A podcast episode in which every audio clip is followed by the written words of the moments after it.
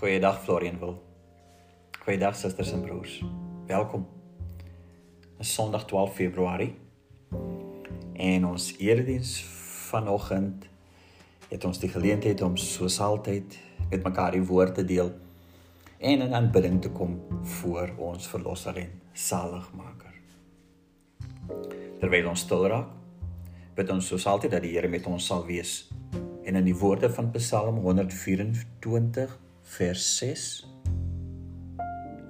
Ons sal kom van die Here wat hemel en aarde gemaak het en wat nooit laat vaar die werke van sy hande nie. Amen. Genade en vrede vir elkeen van julle my broers en susters. Romeine 12 is ons teksgedeelte. Rigwysers vir gelowiges. Dis 2020 vertaling. Vers 9. Julle liefde moet ongefeins wees. Verafskiet die kwaad. Hou vas aan die goeie. Julle moet mekaar lief hê met innige broederliefde. Gaan mekaar voor in eer betoning. Moenie traag wees in julle toewyding nie. Bly geesdriftig. Hou vol om die Here te dien. Verbly julle in die hoop. Wees standvastig wanneer julle swaar kry. Volhard in die gebed. Betoon meelewing met die behoeftes van die heiliges. Lê julle toe op gasvryheid. Seën julle vervolgers, ja, seën hulle. Moet hulle nie vervloek nie. Wees bly saam met diegene wat bly is. Treur met diegene wat treur. Wees eensgesind onder mekaar. Moenie hoogmoedig wees nie. Maar skaar julle by die nederiges. Moenie wys wees in julle eie oë nie. Moet niemand kwaad met kwaad vergeld nie, maar rig julle gedagtes op dit wat vir alle mense goed is. As dit moontlik is, sover dit van julle afhang. Leef in vrede met alle mense. Geliefdes, moet julle nie wreed nie, maar laat ruimte vir die oordeel. Daar staan immers geskryf: "En my kom die wraak toe, ek sal vergeld," sê die Here. Maar as jou vyand honger is, gee hom iets om te eet. As hy dors is, gee hom iets om te drink. Deur dit te doen, stapel jy vuurige kole op sy hoof. Moenie dat die kwaad jou oorwin nie, maar oorwin die kwaad met die goeie. Dis die woord van die Here vanoggend. Spesifiek die laaste vers. En dis ook ons tema, oorwin die kwaad met die goeie. Is verskil moontlik? Meer spesifiek, is dit moontlik om die wêreld te verander? En dan praat ons nou van om die wêreld fundamenteel te verander. En dan kom groot kwessies op. Dinge soos armoede, geweld, dink aan die natuur en klimaatsverandering. Of hoe verander jy die mentaliteit van mense rondom jou?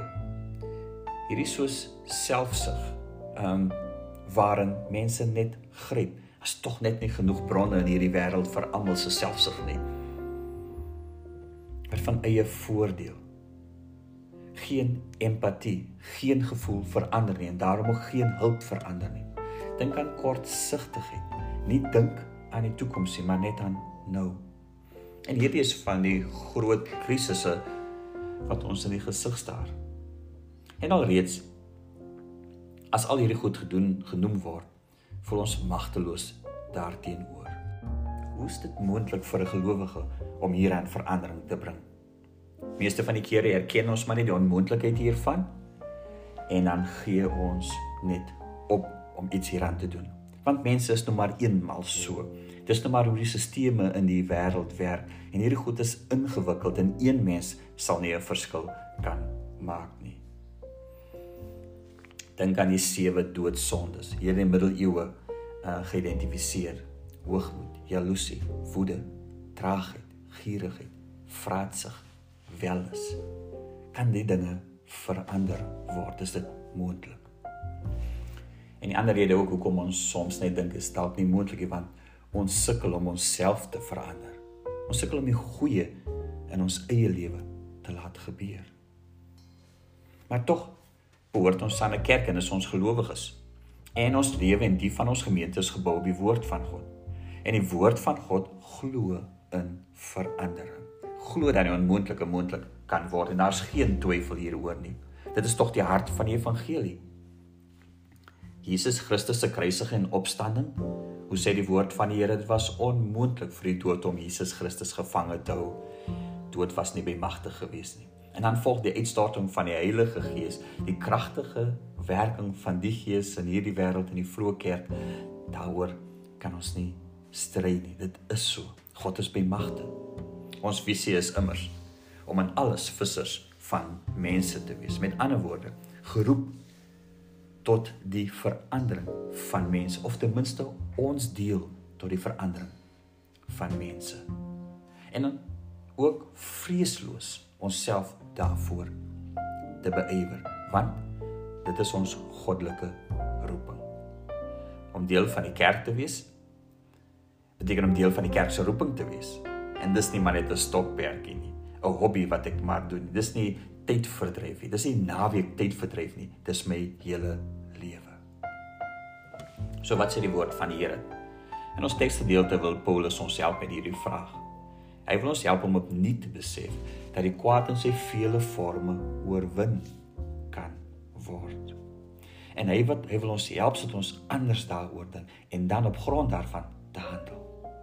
Na die aanvanklike verduideliking van die evangelie hier van die begin van die boek Romeine, kry ons nou die idee idee dat dit tyd is vir moue oprol. Hier moet nou gewerk word. Die kwaad moet beveg word, oorwin word.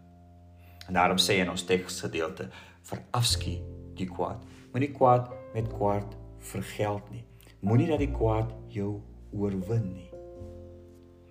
Natuurlik word hier gepraat van kwaaddoeners, boosdoeners, mense wat verkeerd handel, En ons weet wat ons reaksie teenoor hulle is.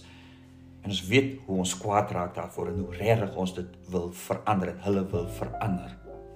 Maar Paulus praat ook van kwaad in sy ergste vorme, soos die magte van die bose.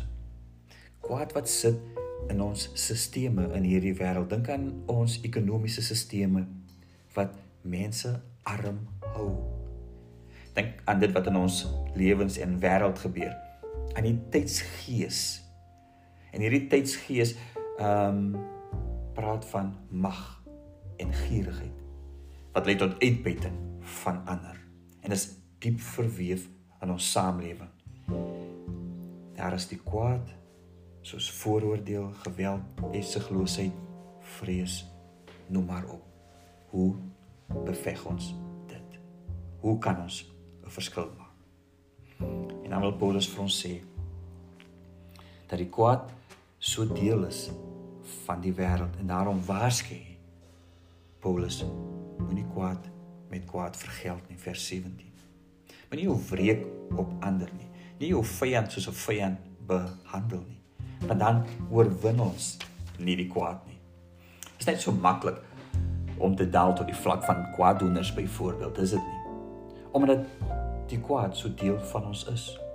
Verskeil in ons goeie of dit ons intensies is en of ons dade is, sit ook soveel kwaad. In hierdie wêreld sit die kwaad in ons almal. En is die eerste wat ons moet besef. Ons mislei ons so maklik. Ons dink aan onsself in positiewe en gunstige terme. Ons glo ons is reg, dat ons gedrag korrek is. En dan eendag moet ons met skok en pyn ontdek dat ons verkeerd was dat ons in kwaad gehandel het. Dink aan Jesus se gebed aan die kruis, Vader, vergeef hulle want hulle weet nie wat hulle doen nie. Is inderdaad so. Ons weet nie wat ons doen nie. Ons weet nie wie ons werklik is nie. Ons almal het kwaad in ons. Daarom as jy die wêreld wil verander en die kwaad wil oorwin, erken die kwaad in jouself. En daarom bedink wie jy is en wat jy doen. Bekyk jouself weer behoorlik en dan bekeer jouself as jy agterkom dat die kwaad in jou lewe ook sit. Die verskil om die bose en die kwaad te beveg en te oorwin begin by ons. Dis waar dit begin.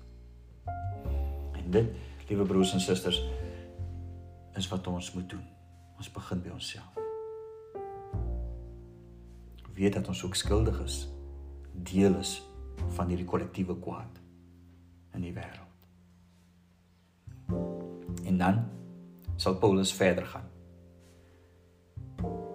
En dan begin oplet, begin raak sien en begin omgee. Met ander woorde empatie hê met waar mense is, met wat met mense gebeur. En dis dalk seker ons grootste probleem. Ons versuim om te sien en om te gee. Dink aan Matteus 25 vers 31 tot 46. Dit handel oor die laaste oordeel. Die skape is regs en die bokke links. Want sê Jesus, hy was honger, dors, 'n vreemdeling sonder klere, siek in die tronk en sommige het gedoen wat hulle kon om hom te help en ander het niks gedoen nie. En dan sal almal vir hulle vra vir Jesus vra my Jesus, wanneer het hierdie dinge gebeur? En daarom is dit so deel van ons om nie te sien nie en daarom nie te doen nie. Nie verstaan. Oplet, raak sien, omgee. Dis waar dit begin. En dan met geesdrift en met toewyding, met passie saam met ander te werk om 'n verskil te maak in hierdie wêreld. Vurig van Gees sê vers 11. En dit sal ons help om die kwaad te oorwin. Want wat help dit dat ons weet wat reg is en goed is, maar ons doen niks daaraan nie. As ons hierdie dinge het, Met ander woorde, as ons besef dat ons die kwaad aan onsself het en dan ander kan raak sien dit wat met hulle gebeur en dan met passie en met toewyding iets daaraan probeer doen, dan sê die apostel Paulus, dan kan ons begin om die kwaad met die goeie te oorwin. Hoofstuk 13 aan die begin is iets is reeds iets word reeds daarvan genoem. Met ander woorde, met liefde word dit gedoen en dan opregtheid en eerbied sê vers 10 deur gasvryheid te beoefen vers 13 seënend te handel met alle mense vers 14 met meegevoel uh met ander vers 15 eensgesind sê vers 16 beskeie nederig in vrede met mekaar saam te lewe volgende week sal ons weer 'n bietjie na hierdie deel kyk so hou vas wat hierdie teksgedeelte betref ons ons moet by hierdie deel uitkom en dan word dit wat is hierdie goeie en hoe doen ons dit Goed, ons sluit af. Kan 'n gelowige positiewe bydrae lewer tot die verandering van die wêreld om die wêreld 'n beter plek te maak? Is dit moontlik om die stelsels en dit wat in hierdie wêreld gebeur om te keer en my kwaad regtig nie net te beveg nie, maar te oorwin? Die antwoord is ja. Kan gedoen word.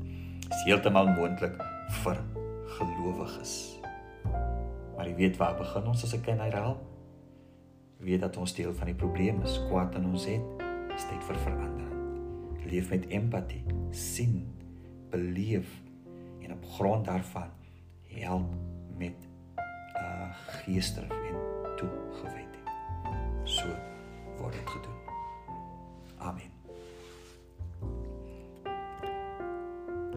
Baie dankie liewe Heer ons na u woord kon luister. En weer eens Vader, as ons kyk na hierdie wêreld en die kwaad daarin, moet ons eers na onsself kyk. En Hemelse Vader, of ons werklik medelee het met ander. En of ons werklik dan met geesdrift sal werk. Help ons daartoe.